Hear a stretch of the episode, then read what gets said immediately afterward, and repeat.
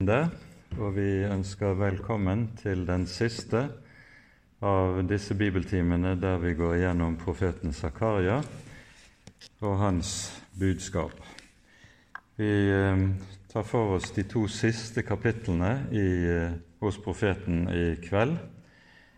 Eh, kapitler som danner en fortsettelse på og en avslutning på det som vi hørte forrige gang da vi gikk gjennom kapittel 12, og vi hører om det at det profeteres om vårledes Israels folk henimot historiens avslutning skal venne seg til Jesus og bli et kristent folk.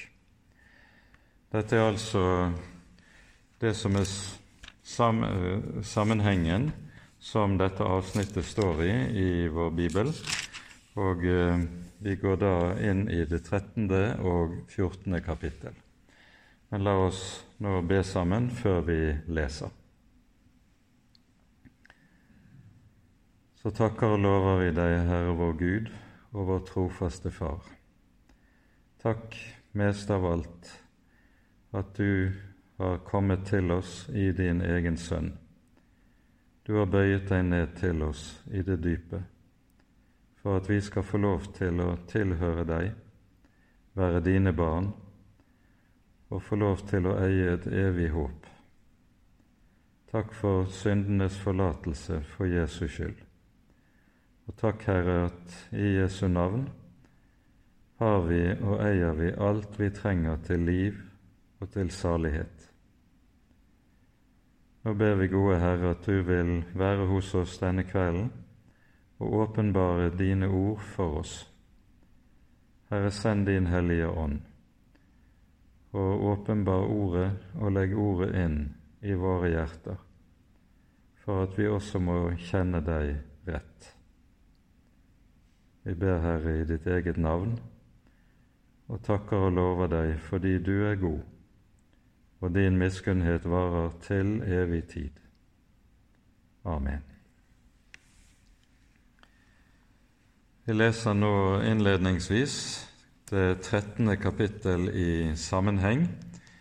Eh, og så tar vi for oss det 14. kapittel i andre halvdel av bibeltimen. Vi leser i Jesu navn. På den dagen skal det være en åpnet kilde for Davids hus og for Jerusalems innbyggere mot synd og mot urenhet. Og det skal skje på den dagen, sier Herren, herskarenes Gud, at jeg vil utrydde avgudenes navn av landet, og de skal ikke lenger minnes. Også profetene og den urene ånd vil jeg få bort fra landet. Om noen heretter står frem som profet, da skal hans far og hans mor, hans egne foreldre, si til ham:" Du skal ikke leve, for du har talt løgn i Herrens navn. Og hans far og hans mor, hans egne foreldre, skal gjennombore ham mens han profeterer. På den dagen skal alle profetene skamme seg over sine syner når de vil profetere, og de skal ikke kle seg i en lodden kappe for å lyve. Men han skal si, 'Jeg er ikke noen profet, jeg er en jorddyrker', for det var en som kjøpte meg til trell i min ungdom. Og om noen spør ham, 'Hva er det for sår du har på kroppen?' Da skal han svare, 'Det er sår jeg har fått i mine elskeres hus'. Sverd, våkn opp mot min hyrde, mot den mann som er min neste, sier Herren, herskarenes Gud. Slå hyrden, og fårene skal spres, og jeg vil igjen ta meg av de små. I hele landet, sier Herren, skal to tredjedeler utryddes og omkomme, bare en tredjedel blir spart. Og denne tredjedel vil jeg la gå gjennom ilden og rense den som en renser sølv og prøve den som en prøver gull. De skal påkalle mitt navn, og jeg vil bønnhøre dem. Jeg vil si, de er mitt folk, og de skal si, Herren er min Gud. Amen. Det som kjennetegner disse to siste kapitlene hos profeten Zakaria, er at det er meget vanskelig å bestemme klart hvilken tid de konkret sikter til. Dette ser vi enda tydeligere i kapittel 14, hvor det er helt åpenbart at en del av kapittelet sikter til historiens avslutning når det taler om at Herren skal komme igjen for å dømme levende og døde. Men det er også andre tidsavsnitt som er inkludert i dette. Og Det har gjort at de som arbeider med fortolkningen av disse kapitlene, har vært i stor villrede om hvordan en skal tenke om sammenhengen. Luther tenker f.eks. at det vi hører om ødeleggelse her i slutten av kapittel 13, det må sikte til romernes eh, herjinger i forbindelse med den jødiske krig i år 70, mens Calvin på sin side tenker helt annerledes. Han tenker at her må det antagelig være tale om hele perioden mellom Sakarias tid og i første omgang frem til Jesu første komme, og deretter frem til gjenkomsten. Så, og moderne fortolkere er like eh, uenige når det gjelder sitt syn på dette. For min egen del så ser jeg det slik at det ikke er nødvendig å binde fortolkningen til at det sikter til en bestemt eh, epoke, eh, verken i historiens avslutning eller forut for dette. Men det er med også disse kapitlene hos Zakaria som vi har sett i tidligere kapitler, at profeten så å si samler opp i sitt profetiske budskap en del hovedting som har vært fremholdt hos tidligere profeter, og eh, så å si sammenfatter dette i meget kortfattet form og på en slik måte at han ikke vil så å si tidsbestemme noe veldig konkret i forkant. Det innebærer at ulike avsnitt i disse kapitlene vil kunne ha sin tillempning og anvendelse på ulike epoker i frelseshistorien. Men det er veldig vanskelig å kunne hevde at det kan bare festes til én eh, kortere eller lengre epoke. Det får være som eh, en kort oversikt, hvis det kan kalles det, når det gjelder disse to kapitlene. Det første verset i kapittel 13 knytter seg direkte til det vi har hørt i foregående kapittel, der vi hører om den kommende frelsers lidelse og hvordan han skal bli eh, erkjent av Israels folk ved historiens avslutning. Vi leste i det tiende verset i kapittel 12 over Davids hus og over Jerusalems innbyggere vil jeg utgyde nådens og bønnens ånd, og da skal de skue opp til meg som de har gjennomstunget, og de skal sørge over ham som en sørger over sin enbårne sønn, og klage sårt over ham, slik som en klager over sin førstefødte. Dette er altså det som profeteres om Israels fremtidige omvendelse.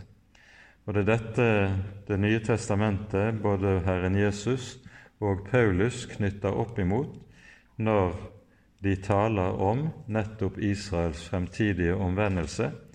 Hos Paulus er dette mer inngående behandlet i det tiende kapittelet i, nei, unnskyld, ellevte kapittelet i Romerbrevet og vi var så vidt noe inn på det sist gang.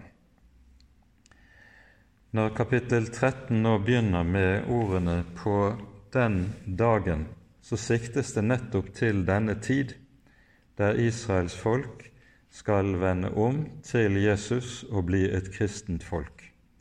Og så sies det på den dagen skal det være en åpnet kilde for Davids hus og Jerusalems innbyggere mot synd og mot urenhet. Det som her sies, det er jo nettopp at han som ble gjennomstunget, er selve den åpne kilde mot synd og mot urenhet. De to uttrykkene som anvendes når det taler om menneskets syndighet, nemlig synd og urenhet, det er uttrykk som anvendes i Mosebøkene i helt bestemte sammenhenger. Begrepet synd, slik vi hører det her, det hovedbegrepet, det er hovedbegrepet som anvendes i eh, lovgivningen og ofrene.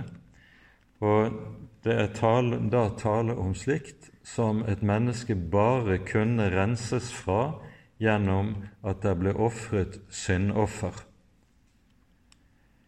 Det begrepet som anvendes om urenhet, det er den slags urenhet som gjorde at et menneske ikke hadde adgang til å tre inn i Herrens tempel. Dette gjaldt f.eks. spedalske, det gjaldt mennesker som hadde rørt ved lik, og pluss en del andre forhold. Og Den typen urenhet stengte et menneske ute fra helligdommen, slik at en ikke kunne tre frem for Guds ansikt i det hellige. Og Nå sies det nettopp det som skjer med at Herren er blitt gjennomstunget. Det fører til at det blir en åpnet kilde mot synd og mot urenhet. Vil si alt det som stenger et menneske ute fra Gud, stenger et menneske ute fra fellesskapet med Gud, det tas bort ved denne kilde. Det uttrykket som anvendes her, det er, et, det, når det taler om en åpnet kilde, det er et bilde som anvendes i en rekke sentrale sammenhenger i Det gamle testamentet. For det første så hører vi det omtales i Jesaja-bokens tolvte kapittel, der det sies at på den dag skal dere øse vann med glede av frelsens kilder. Og Når det sies 'på den dag' i den sammenheng, så tales det nettopp om den tid Messias har trådt frem og har fullbyrdet sin frelse. Jesaja-bokens ellevte kapittel handler om det, og så begynner kapittel tolv med den lovsangen som skal synges når Messias har fullbyrdet frelsen. Og så sies det altså dere skal øse vann med glede av frelsens kilder. Og Det samme begrepet anvendes også i det kjente ordet i Salme 36. Hos deg er livets kilde, i ditt lys ser vi lys. Israels ulykke i tiden forut for det babylonske fangenskap bestod i at de hadde vendt Herren ryggen. Og hos Jeremia eh, beskrives dette i kapittel 2, i vers 13 slik.: To onde ting har mitt folk gjort. Meg har de forlatt, kilden med det levende vann. Og her anvendes det samme begrepet. Altså det er Herren selv som er kilden med det levende vann, den kilde som renser fra synd og urenhet.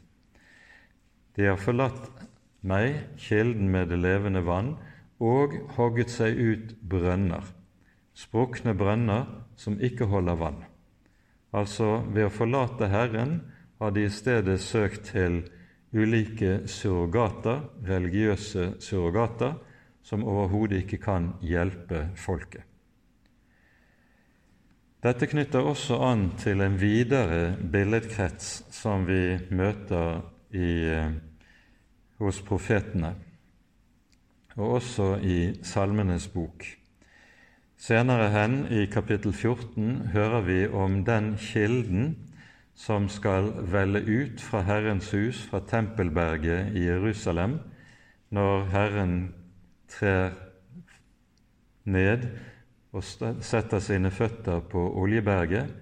Denne kilden skal renne ut og renne både mot øst, mot Dødehavet, og rense Dødehavet, og mot vest, mot havet i vest.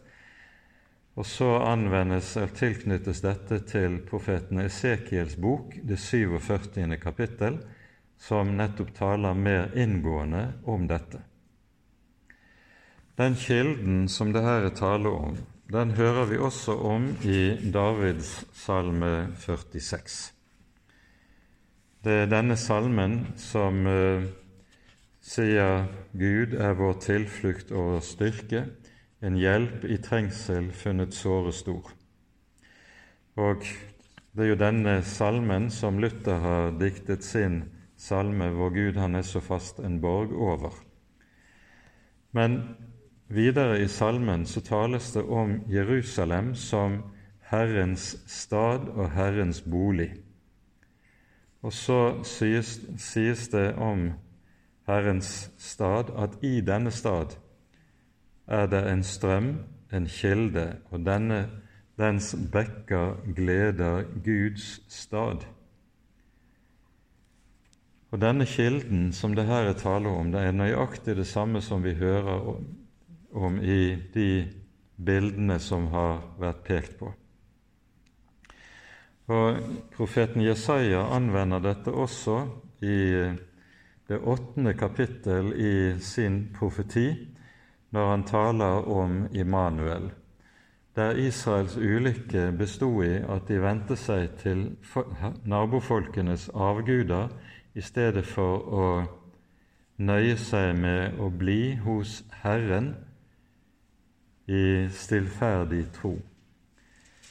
Og så brukes da dette bildet at folkets frafall beskrives med at de ikke har lyst til siloers vann, de som renner så stille, men i stedet har lyst til Assurs vann, som, venner, som vel kommer med veldige vannstrømmer. Det ser så lite ut og så smått ut, det som kjennetegner Herren og det Han har å gi i sin hellige stad. Men det er bare den strøm, det er bare den kilden, som kan rense fra synd og fra urenhet. Bare den, intet annet.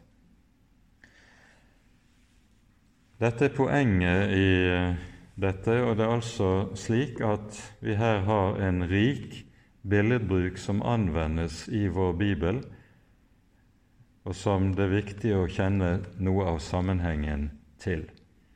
Det er dette Jesus også knytter an imot når vi i det syvende kapittel i Johannesevangeliet hører han på eh, den store løvhyttefesten i Jerusalem tre frem og, og roper om noen tørster, han komme til meg og drikke.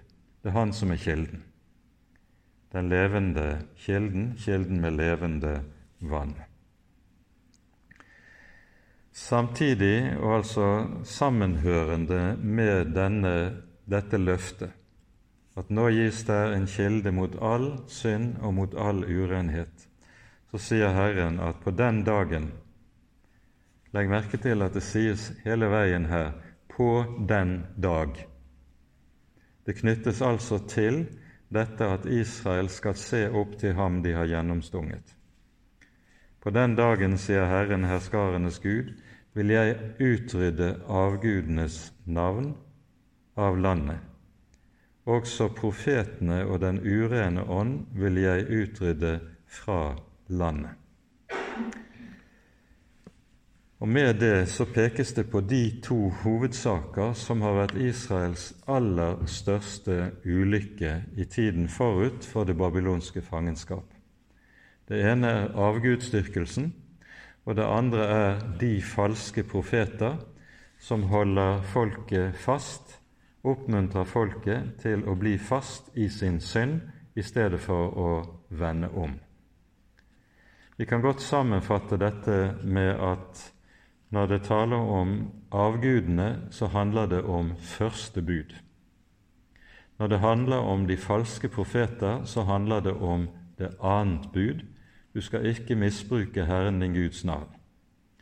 For de falske profeter de taler i Guds navn, men taler altså løgn i Guds navn. Og som det er de da forbilder på all falsk forkynnelse, all vrang lære som lyder i, gjennom hele Kirkens historie. Det er brudd på det annet bud, det er å misbruke Herrens navn. Og om den synden sies det uttrykkelig i de ti bud Herren vil ikke holde den uskyldig som misbruker Hans navn for han er en nidkjær Gud. Løgnens ånd er det farligste Guds folk alltid har å gjøre med. Og Det er fordi at løgn er djevelens viktigste våpen. Når djevelen skal ha makt over mennesket, så skjer det alltid ved å føre menneskene inn i løgn og i usannhet. Og Her kan vi merke oss at det sies slik også profetene og den urene ånd vil jeg få bort fra landet. Det at profetene knyttes sammen med det som kalles for en uren ånd, det kan bety to ting. For det første betegner det dette som vi ser hvis du f.eks. leser eh, Jeremias-bokens 23. kapittel, som i sin helhet handler om de dårlige hyrder i Israel, og ganske særlig om de falske profeter, så er det slik at det som kjennetegner dem, det er at de sier til de som lever i sine synder, 'Det skal gå deg godt'. Og så sier de at de holder menneskene fast i deres synd, så de ikke vender om. Altså, menneskene blir i syndens urenhet fordi de falske profeter hjelper dem til det. For det annet kan den urene ånd være betegnelse på det som begrepet urenhet omfatter. Urenhet betyr jo at det er noe som er rent, og så blandes det opp i det noe som er skittent og skammelig.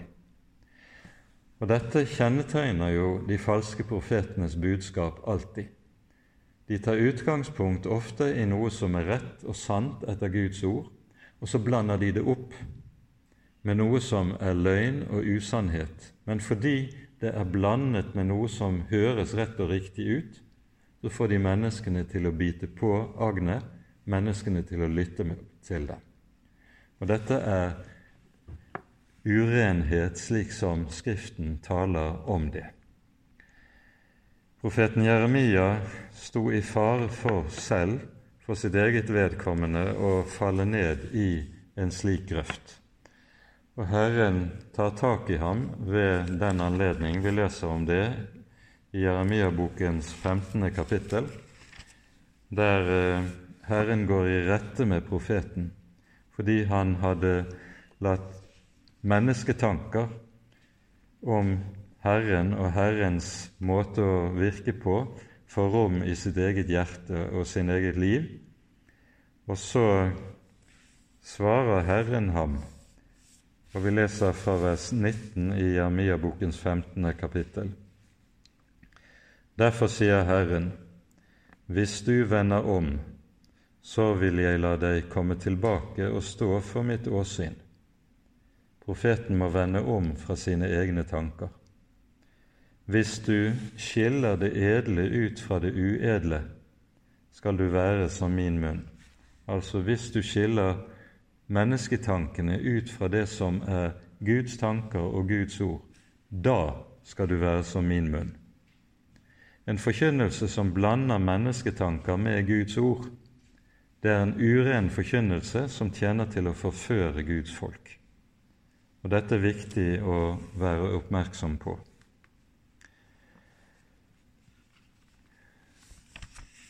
Når vi har vært inne på det som sies om den urene ånd, som altså er noe som holder eh, mennesker fast i deres synd og urenhet, så kan vi med dette ikke komme utenom også noe av det som apostelen Paulus er inne på i Romerbrevets første kapittel. Her hører vi i slutten av det første kapittelet i Romerbrevet at Paulus lister opp en rekke synder som gikk i svang i hedenskapet, fra vers 29 av. Det er så å si det som ofte har vært kalt for en syndekatalog eller en lastekatalog. Og så slutter Paulus med disse ordene i det siste verset i Romane 1. Disse kjenner godt til Guds rettferdige dom, at de som gjør slikt, fortjener døden.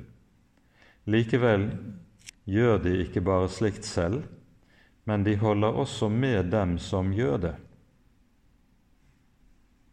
Legg merke til det. De holder med dem som gjør det.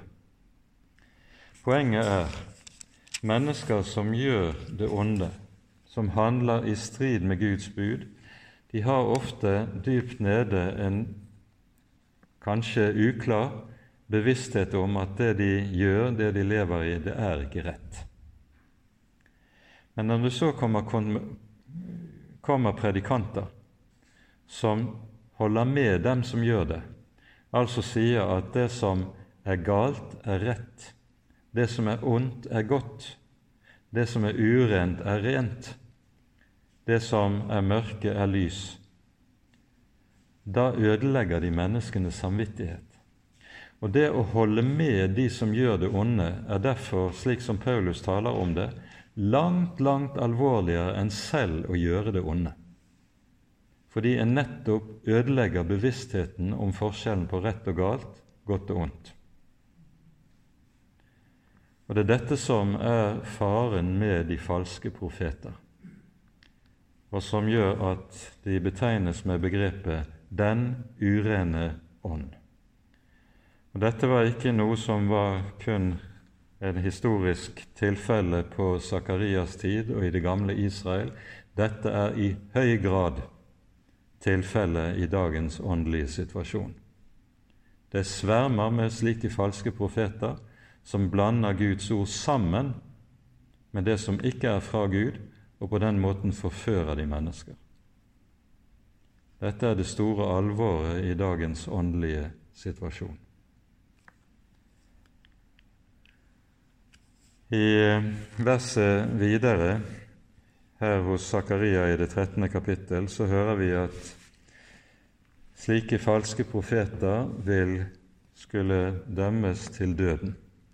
Dette var loven ifølge Moses. Vi hører det i 5. Mosebok kapittel 13 og kapittel 18, at falske profeter skulle svare for det de gjorde med sitt eget liv.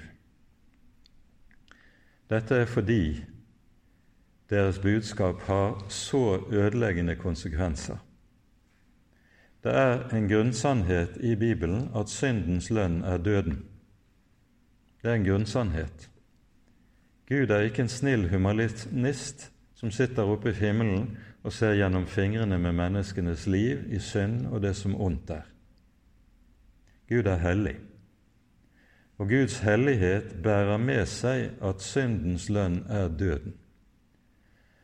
Og Derfor er det slik at predikanter, profeter, som forfører menneskene slik at de kommer vekk fra Han som er livets kilde, og fører dem inn i et liv der menneskene med god samvittighet kan leve i sine synder, disse er årsak til åndelig massedød blant menneskene. De er årsak til at mennesker går fortapt. Og Det er derfor den falske profeti bedømmes så alvorlig i Den hellige skrift. Nå var det slik at det gammeltestamentlige Israel var et teokrati. Det var en stat der Guds lover også skulle håndheves som strafferett med den nye pakt så oppheves teokratiet. Og denne lov om dødsstraff som her gjelder i Mosebøkene, den skal ikke håndheves hos oss. Det er i stedet slik at vi skal være klar over at dette er et bilde på den åndelige død som slike predikanter og forkynnere fører med seg og fører folk ut i. Det hører det aller tyngste alvor sammen med falsk profeti og vrang lære. Det får være nok om dette. Det er nå slik at når vi kommer til det syvende verset i kapittel 13, så er det så å si som om Zakaria vender tilbake til det vi hører i det tiende verset i kapittel 12. For når det står at han ble gjennomstunget, så er det verbet som brukes om å gjennomstinge, det er et verb som nettopp ble brukt i forbindelse med krig om når man stakk sverdet i et menneske eller stakk et spyd i et menneske. Så når det nå står sånn som vi hører det, sverd, våkn opp mot min hyrde, mot den mann som er min neste, sier Herren, herskarenes Gud. Slå hyrden, og fårene skal spres, og jeg vil igjen ta meg av de små. Dette er et ord som Herren Jesus knytter an til Vi hører det i forbindelse med lidelseshistorien, at Jesus peker på at dette oppfylles i forbindelse med at han gripes og lider døden, så adspres disippelflokken. Vi skal merke oss den betegnelsen som anvendes om Messias her. Herren sier altså 'våkne opp mot den mann som er min neste'. Gud kaller Messias for sin neste. Det er en betegnelse som brukes om Messias kun et annet sted i profetiene i Det gamle testamentet, nemlig hos profeten Jeremia i det 30. kapittel, der det også er tale om hvorledes Messias må gi livet sitt for sitt folk. Vi leser Jeremia kapittel 30, og i, fra vers 20 Skal vi se om jeg husker rett.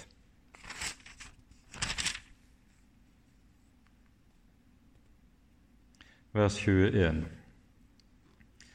Her sies det det taler om den frelse som Herren lover å gi sitt folk i fremtiden, og så sies det 'Hans herlige skal være av hans egen ett'. Her kalles altså Messias for Hans herlige. Og hans hersker skal utgå av hans eget folk. Jeg vil la ham komme nær. For hvem vil ellers våge sitt liv og komme meg nær, sier Herren.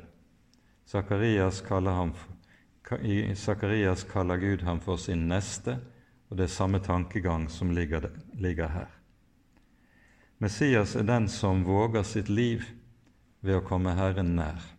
Han gir sitt liv fordi han trer den hellige Gud nær, og intet menneske kan se ham og leve.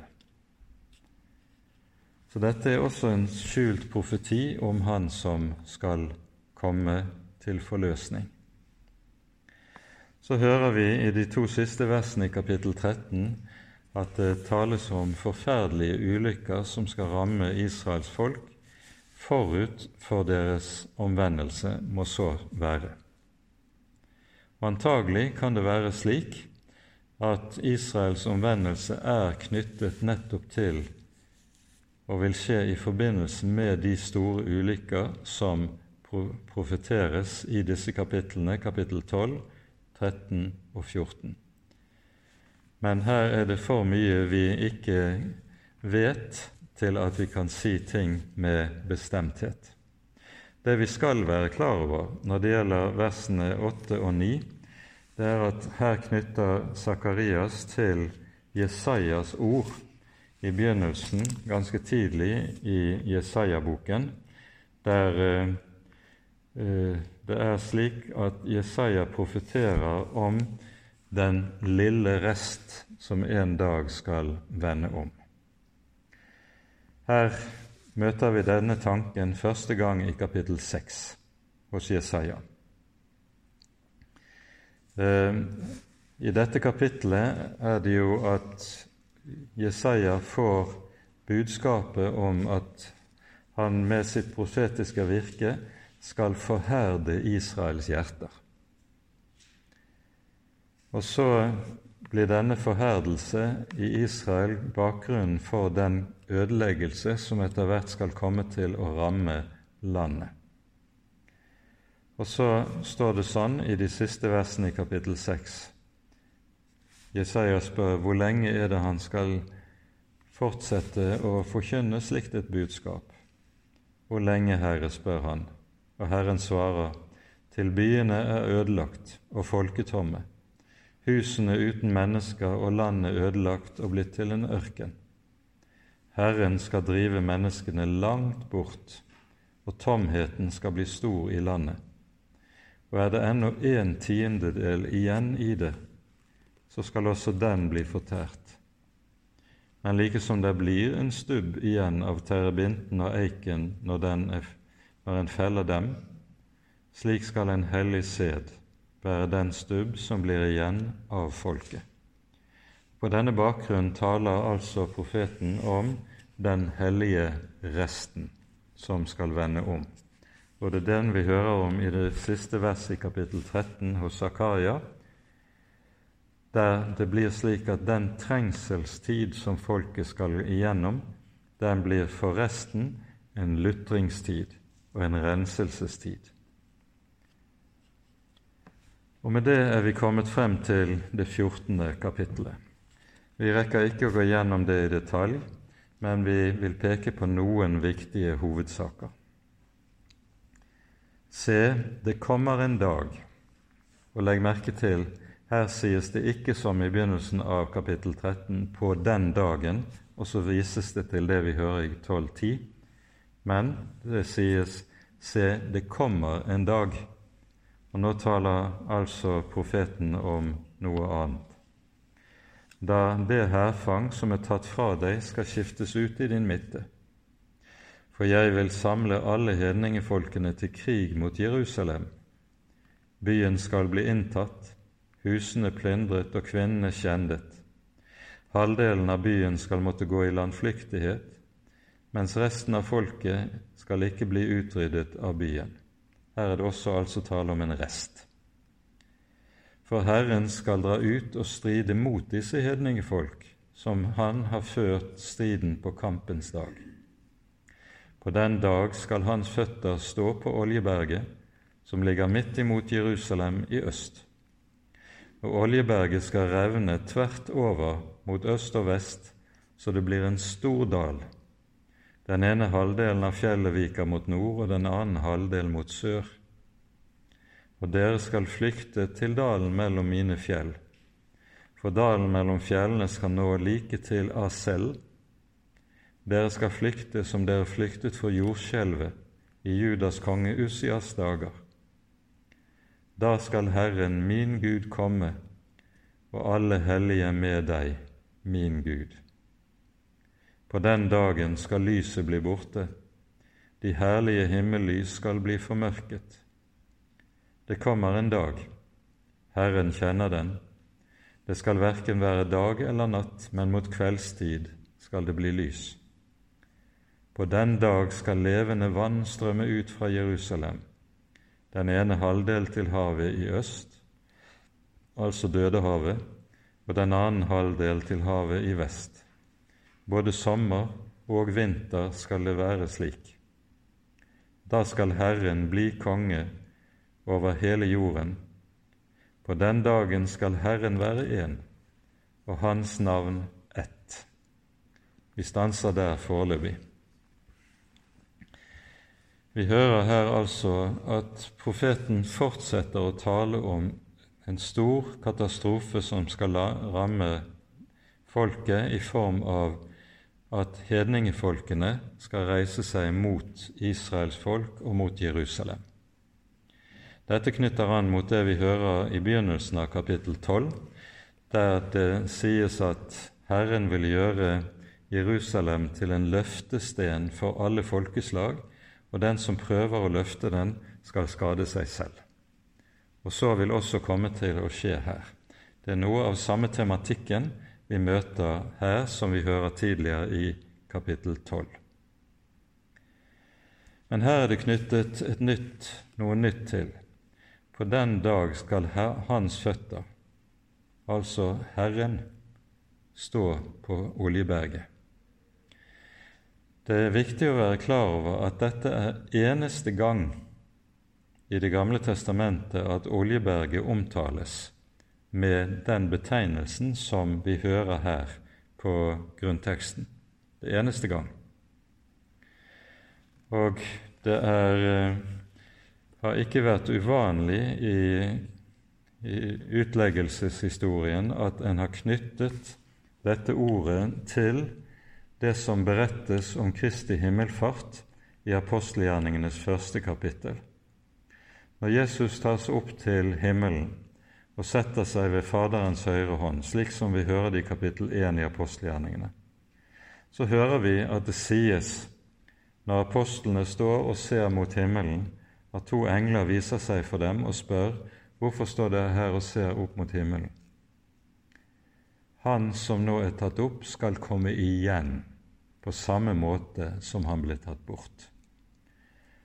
Og det har fått en til å knytte dette nettopp sammen med løftet, profetien, hos Zakaria at når han kommer tilbake, skal han sette sine føtter på Oljeberget, noe som skal ledsages av dette veldige jordskjelvet som det her er tale om, som fører til en veldig landskapsendring i nærområdet til Jerusalem.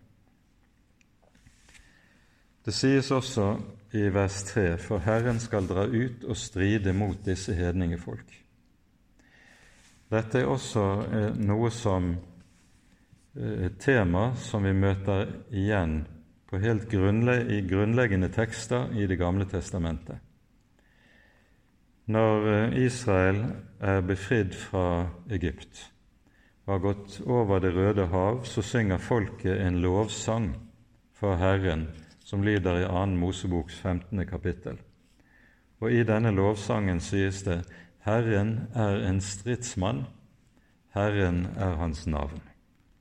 Og Det er altså den samme betegnelsen om at Herren er en stridsmann som anvendes her i Sakarias-boken, som vi hører i vers 3.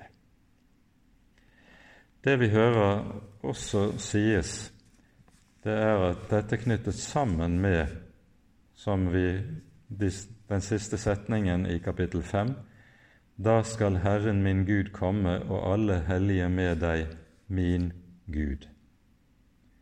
Og Dette er den uttrykksmåten Jesus anvender uttrykkelig når han taler om sin egen gjenkomst i eh, evangeliene i Matteusevangeliet kapittel 16 og Matteusevangeliet kapittel 24. Herren skal komme med alle sine hellige. Antagelig er det da altså her tale om Jesu gjenkomst, og at Israels omvendelse så å si er noe som bebuder Jesu snarlige gjenkomst. Det er meget her vi ikke vet, og det er meget her vi ikke kan si med bestemthet.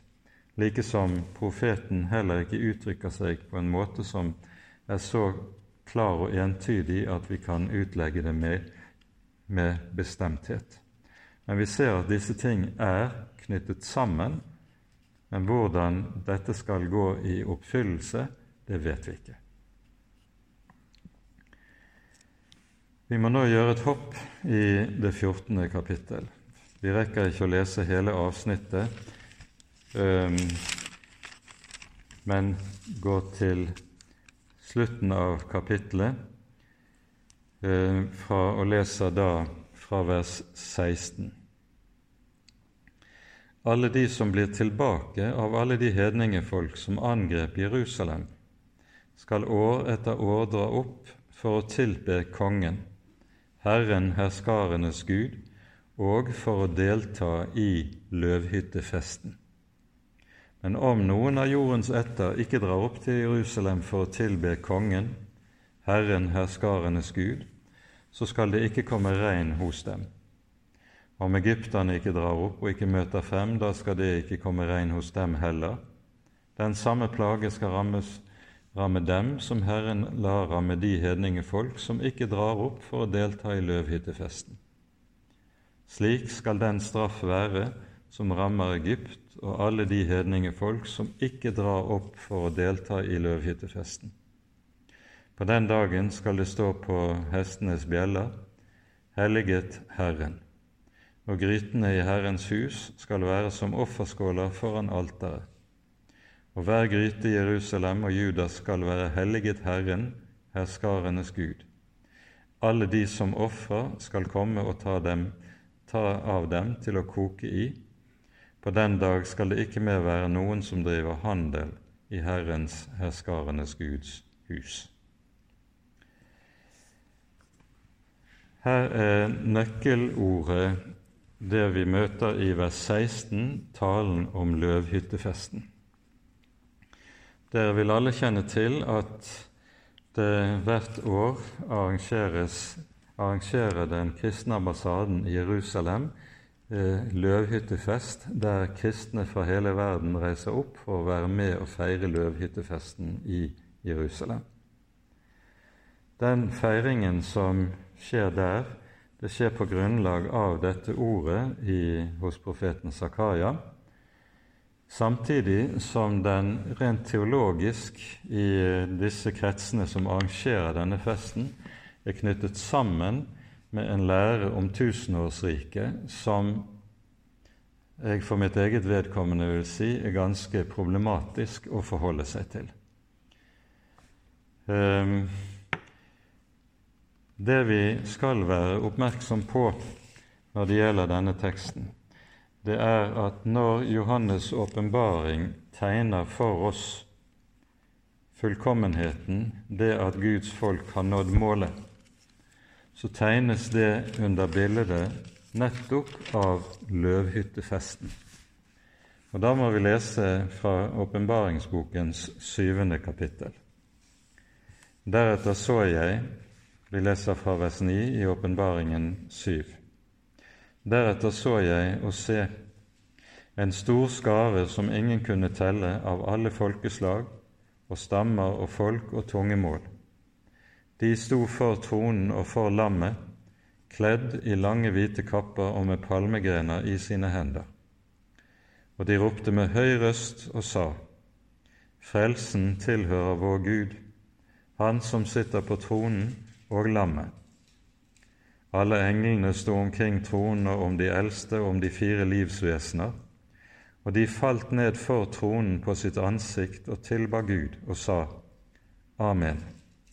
Velsignelsen og herligheten og visdommen og takken og æren og makten og styrken tilhører vår Gud i all evighet. Amen. Og en av de eldste tok til orde og sa til meg:" Disse som er kledd i de lange, hvite kapper, hvem er de, og hvor kommer de fra? Og jeg sa til ham, Herre, du vet det. Og han sa til meg, Dette er de som er kommet ut av den store trengsel, og de har vasket sine kapper og gjort dem hvite i lammets blod. Derfor er de for Guds trone og tjener ham dag og natt i hans tempel, og han som sitter på tronen, skal reise sin bolig over dem. Dette er løvhyttefesten. Det er viktig å være klar over at dette kapittelet, der vi hører om den store, hvite flokk, det er tegnet under nettopp bildet av løvhyttefesten i Jerusalem. Her er det et trekk ved Johannes' åpenbaring som svært mange ikke er oppmerksom på, nemlig at store deler av det vi hører i åpenbaringsboken, har sin bakgrunn i tempelet i Jerusalem og det som skjedde i forbindelse med ulike høytider i tempelet i Jerusalem. Og Det som her sies altså i kapittel 7, det er løvhyttefesten helt konkret. Det ser vi av flere trekk ved det som sies. For det første nevnes palmegrenene. Det hørte med som en del av liturgien ved løvhyttefesten i Jerusalem. Det var nemlig slik at løvhyttefesten varte syv dager pluss én ifølge lovgivningen lovgivningene i Det gamle testamentet. Og på Jesu tid var skikken den at hver morgen gikk det en prosesjon fra tempelet ned til Silodammen, som lå i høyde en kanskje så mye som 150 høydemeter lavere enn tempelet, ned i bunnen av dalen, der Kedrondalen og Hinnomsdalen møter hverandre. Der ligger Siloadammen. Det en, e, var laget en egen trapp fra tempelet og ned dit. Prosesjonen var anført av ypperstepresten, som gikk med en skål med gull i sine hender. Så kom de ned til dammen, fylte skålen med vann fra siloet, og så gikk de i posisjon opp igjen til tempelet mens de sang salmene fra 113 til 118 i Salmenes bok. Levittene hadde utgjorde sangkoret, og folket kunne jo disse tekstene og sang med i omkvedet og i salmene. Når de så kommer opp til tempelet, så går det en prosesjon rundt alteret. Og alle prestene og levittene går i prosesjon rundt alteret, og hele folket går også med i prosesjon rundt alteret, det er en slags ringdans, mens de vifter med palmegrener i hendene. Og Når de vifter med palmegrenene i hendene, så synger de Hosianna i det høyeste. Velsignet være Han som kommer i Herrens navn.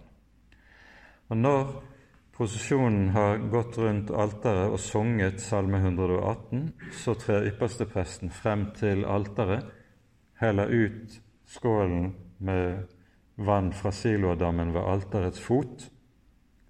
Da er det Jesus står frem og roper, om noen tørster, han kommer til meg og drikke. Poenget er den lovsangen vi her hører når det sies i vers 10 Frelsen tilhører vår Gud. Den svarer til lovsangen som ble synget, sunget fra 118. For Hosianna, det er en bønn. Den sier 'Herre, frels da'. Skulle du, skulle du oversette bokstavelig, så ville det lyde 'Herre, vær så snill og frels'. Det er en inderlig bønn om at Herren vil frelse. Teksten her i vers 10 i Åpenbaringen 7 den sier at nå er frelsen en realitet. Folket behøver ikke lenger å be om at Gud skal frelse, for nå er frelsen en realitet, og derfor sies det 'frelsen tilhører'. Nå går de ikke lenger rundt alteret og synger 'Herre, frels oss', for nå er frelsen en realitet. De er nådd målet hjemme hos Gud. De hvite kappene, det er de kappene som prestene bar i helligdommen. Og de er uttrykk for det som sies i eh, flere steder, både i åpenbaringsboken og i 1. Peters brev, at alle troende er prester for Gud. Og Derfor er de kledd i de lange, hvite kappene i kjortlene. Og så feirer de løvhyttefesten i, i tempelet. Og det var slik i eh, datidens Israel, det berettes om det i jødiske kilder, at det sies at den som ikke har opplevd og sett løvhyttefesten i Jerusalem, vet ikke hva glede er. For dette var den høytiden der gleden var den aller største og rikeste overhodet.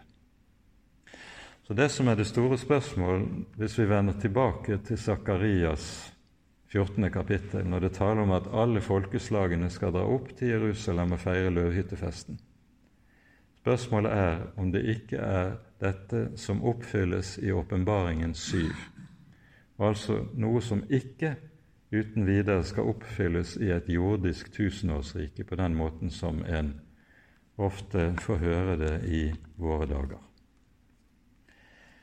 Det er jo på tilsvarende vis også med talen om Jerusalem som by. For i, eh, både her hos Sakarias og ellers i disse profetiene som taler om Jerusalem, og Jerusalem som Guds stad og Guds bolig, så er dette noe som anvendes i Det nye testamentet på en sånn måte at dette også er bildet på fullkommenheten. Derfor er det vi hører i åpenbaringen kapittel 21 Jeg så en ny himmel og en ny jord. Den første himmel og den første jord var veket bort, og havet fantes ikke mer. Og jeg så det nye Jerusalem stige ned fra himmelen fra Gud, gjort i stand og pyntet som en brud for sin brudgom. Det spørs om det ikke er det Jerusalem som er den egentlige oppfyllelsen av de profetier som taler om Jerusalem, og som vi møter i Det gamle testamentet. Det jordiske Jerusalem ødelegges. Det himmelske Jerusalem, det er den by som har de evige grunnvoller, og som ikke skal forgå. Og Dette kommer til anvendelse på en rekke tekster i vår bibel, og her har jeg bare trang til å vise til én særlig salme i Salmenes bok, nemlig Salme 87, som nettopp taler om hedningefolkenes rolle og deres forhold til Jerusalem. Det er en kort salme, men den er helt spesiell. Av Koras barn en salme, en sang. Den by han, altså Herren, har grunnfestet, står på de hellige fjell. Herren elsker Sions porter fremfor alle Jakobs boliger. Herlige ting er sagt om deg, du Guds by. Sela. Jeg nevner Rahab og Babel blant dem som kjenner meg. Se, Filisterland og Tyrus sammen med Etiopia, denne er født der. Og om Sion skal det bli sagt, hver og en er født der, og han, den høyeste, gjør det fast. Herren skal telle når folkene blir oppskrevet og si:" Denne er født der. Selam. Og de som synger og spiller på fløyte, skal si:" Alle mine kilder er i deg. Her er det altså tale om at hedningefolkene skal få ha sin fødselsrett i Jerusalem. Det er dette Jesus knytter an imot når han taler med Nikodemus om den nye fødsel. Den nye fødsel er omtalt også i Det gamle testamentet, både her og også hos profeten Eksekiel f.eks. Og Da får man altså borgerrett i Jerusalem, den samme borgerrett som en har når en er innfødt, født der. Herren skal telle når folkene blir oppskrevet, og si denne er født der. Dette kan bare sies om det nye Jerusalem, det himmelske Jerusalem, som er vårt hjem. Og Det er slik Det nye testamentet anvender disse tekstene ifra vår bibel.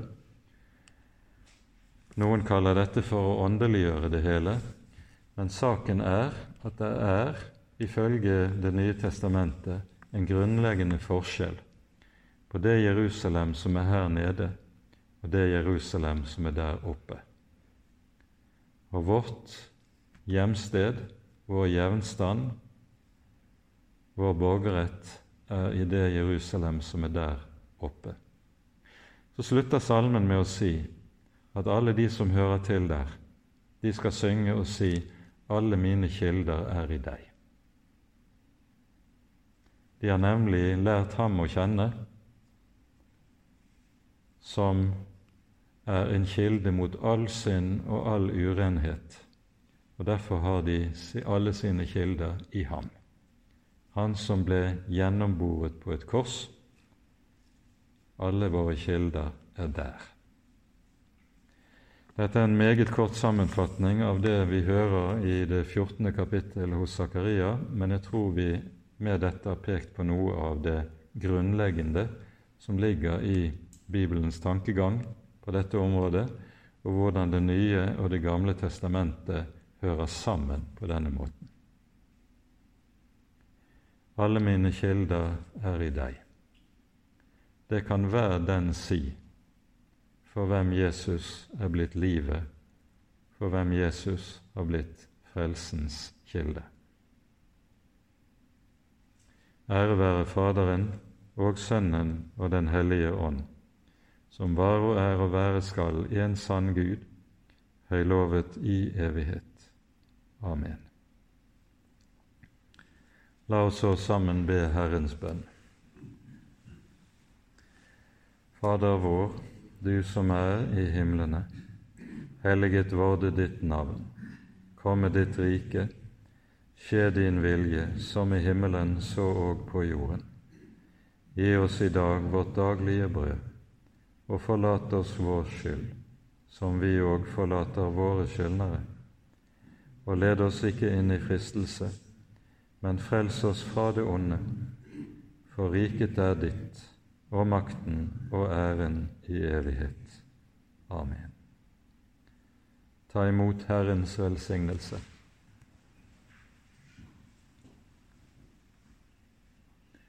Herren velsigne deg og bevare deg. Herren lar sitt ansikt lyse over deg og være deg nådig. Herren løfte sitt åsyn på deg og gi deg fred. Amen. Med det sier vi takk for i kveld, og takk for denne våren sammen om profeten Zakaria. Når vi starter opp igjen i slutten av august igjen med en ny serie med bibeltimer, vil vi begi oss inn i Hebreabrevet og gjennomgå dette i løpet av neste år. Så velkommen tilbake da. Med det sier vi takk for i kveld. Vel hjem. Salme 87.